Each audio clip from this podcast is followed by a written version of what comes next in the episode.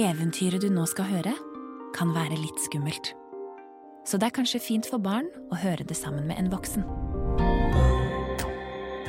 En julefortelling basert på Charles Dickens' klassiske fortelling.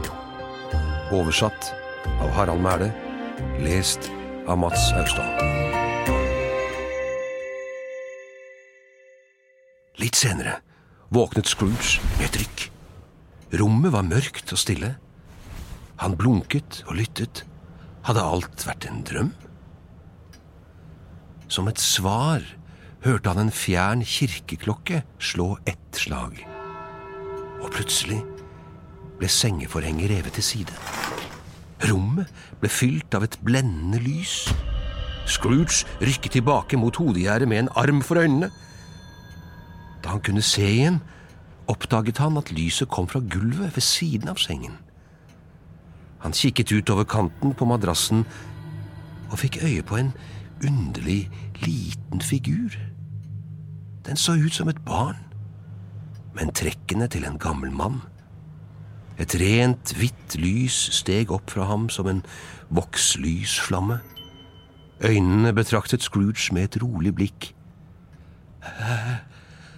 Er det du, den ånden jeg ble fortalt skulle komme? spurte Scrooge. Det er jeg, svarte skikkelsen med mild stemme. Hvem er du, og hva er du? spurte Scrooge. Jeg er fortidens juleånd, svarte ånden. Din fortid? Han tok armen til Scrooge med et overraskende kraftig grep. Stå opp og bli med meg. På nytt ble rommet fylt av lys. Scrooge blunket forvirret da han skjønte at natten var blitt til dag utenfor, og at han selv svevde mot det åpne vinduet. Han klamret seg til åndens arm idet de fløy ut i luften. De var ikke over London lenger. En nedsnødd landevei hadde erstattet de trange og folksomme bygatene. Foran dem slynget en elv seg under en bro og forbi en liten landsby.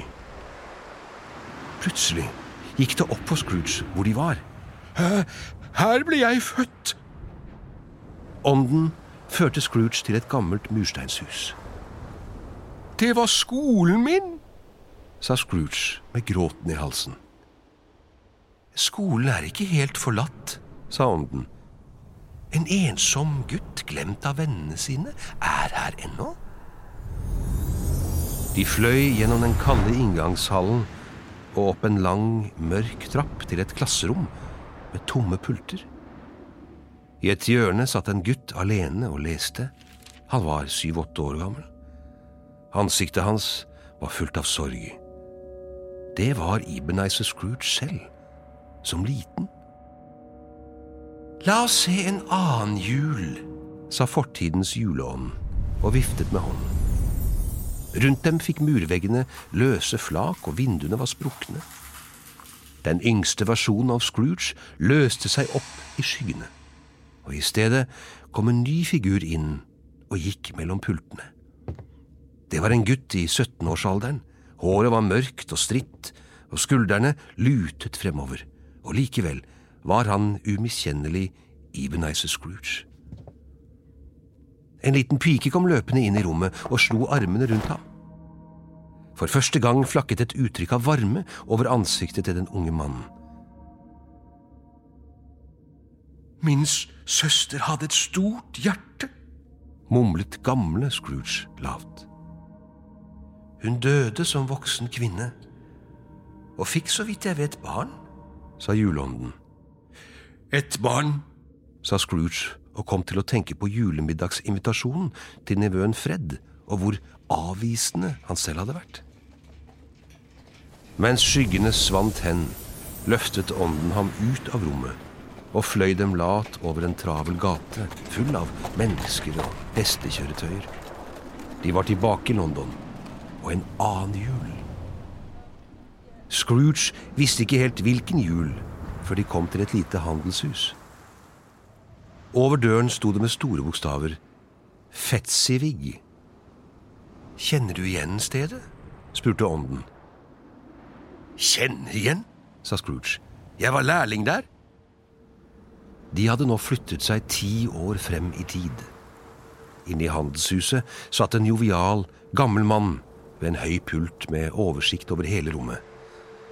Der er jo gamle Fetsivig, sa Scrooge glad. Han husket godt den tidligere sjefen sin. Juhu! sa Fetsivig og hoppet ned fra pulten. Ebenezer! Dick! De to lærlingene kom løpende inn i rommet. Ikke mer jobbing i kveld! Det er julaften! Rydd alt til side her, så blir det godt med plass! Han klappet i hendene og pekte ut i det store rommet. Dick og Ebenezer skyndte seg og flyttet løse møbler ut mot veggene.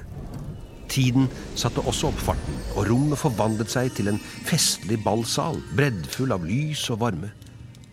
Det hang juledekorasjoner fra taket, og langbordet midt i rommet bugnet av deilig mat. Juleånden så bort på gamle Scrooge. Hva er det for noe? spurte den. Ikke noe spesielt, sa Scrooge og så ned på hendene sine. Bare at uh, Jeg skulle gjerne ha vekslet et par ord med assistenten min nå. Det er det hele. Han husket plutselig det siste han hadde sagt til Cratchit, og hvor negativ han hadde vært til julehøytiden. Gamle Scrooge og ånden svevde rundt i rommet, som etter hvert ble fulgt av unge kvinner og menn som danset. Ånden gjorde Scrooge oppmerksom på ett spesielt par. Det var unge Ibenizer, som danset med en vakker pike som het Bell. Han så ufravendt på henne. Og det samme gjorde den gamle Scrooge. Han husket øyeblikket så altfor godt. Og så bort da det unge paret nærmet seg hverandre.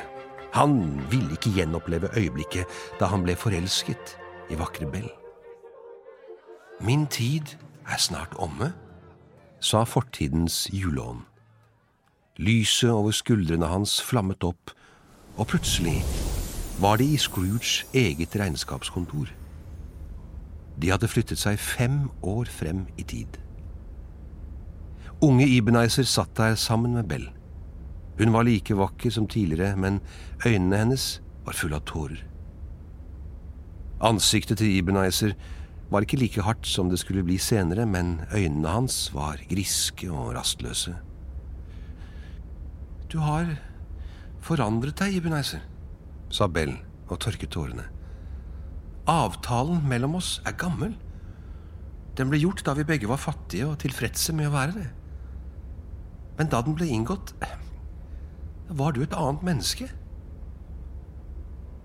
Si meg, Ebenezer, hvis vi ikke hadde hatt den avtalen, ville du beilet til meg nå?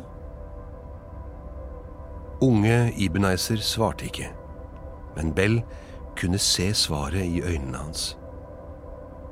Hun begravde det tårevåte ansiktet i hendene.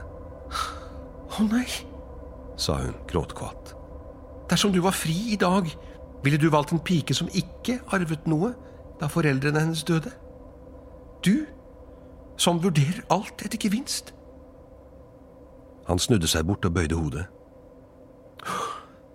Jeg fristiller deg, Ibenheiser, sa Bell og reiste seg. Måtte du bli lykkelig i det livet du har valgt.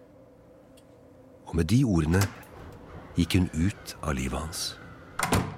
Gamle Scrooge snudde seg mot ånden mens tårene trillet. Få meg vekk! tryllet han. Jeg klarer ikke mer! Han grep etter lua til juleånden og dro den nedover hodet hans for å skjule flammen. Men lyset lot seg ikke tvinge ned, og med en skarp eksplosjon sendte lua Scrooge rett til værs. Scrooge klamret seg fast og følte det som om han fløy opp mot månen og stjernene. Scrooge prøvde å holde seg i lua og lyset, men plutselig forsvant de. Ånden var borte. Og Scrooge begynte å falle. Rett ned mot bakken. Han skrek mens han falt. London kom nærmere og nærmere under ham. Han kunne se Themsen og St. Paul-katedralen. Og så kom hans eget hus farende mot ham. Han tumlet rett ned mot taket. Scrooge knep øynene sammen og var sikker på at hans siste time var kommet. Du har nå hørt andre del av en julefortelling. Neste del kommer tredje søndag i advent.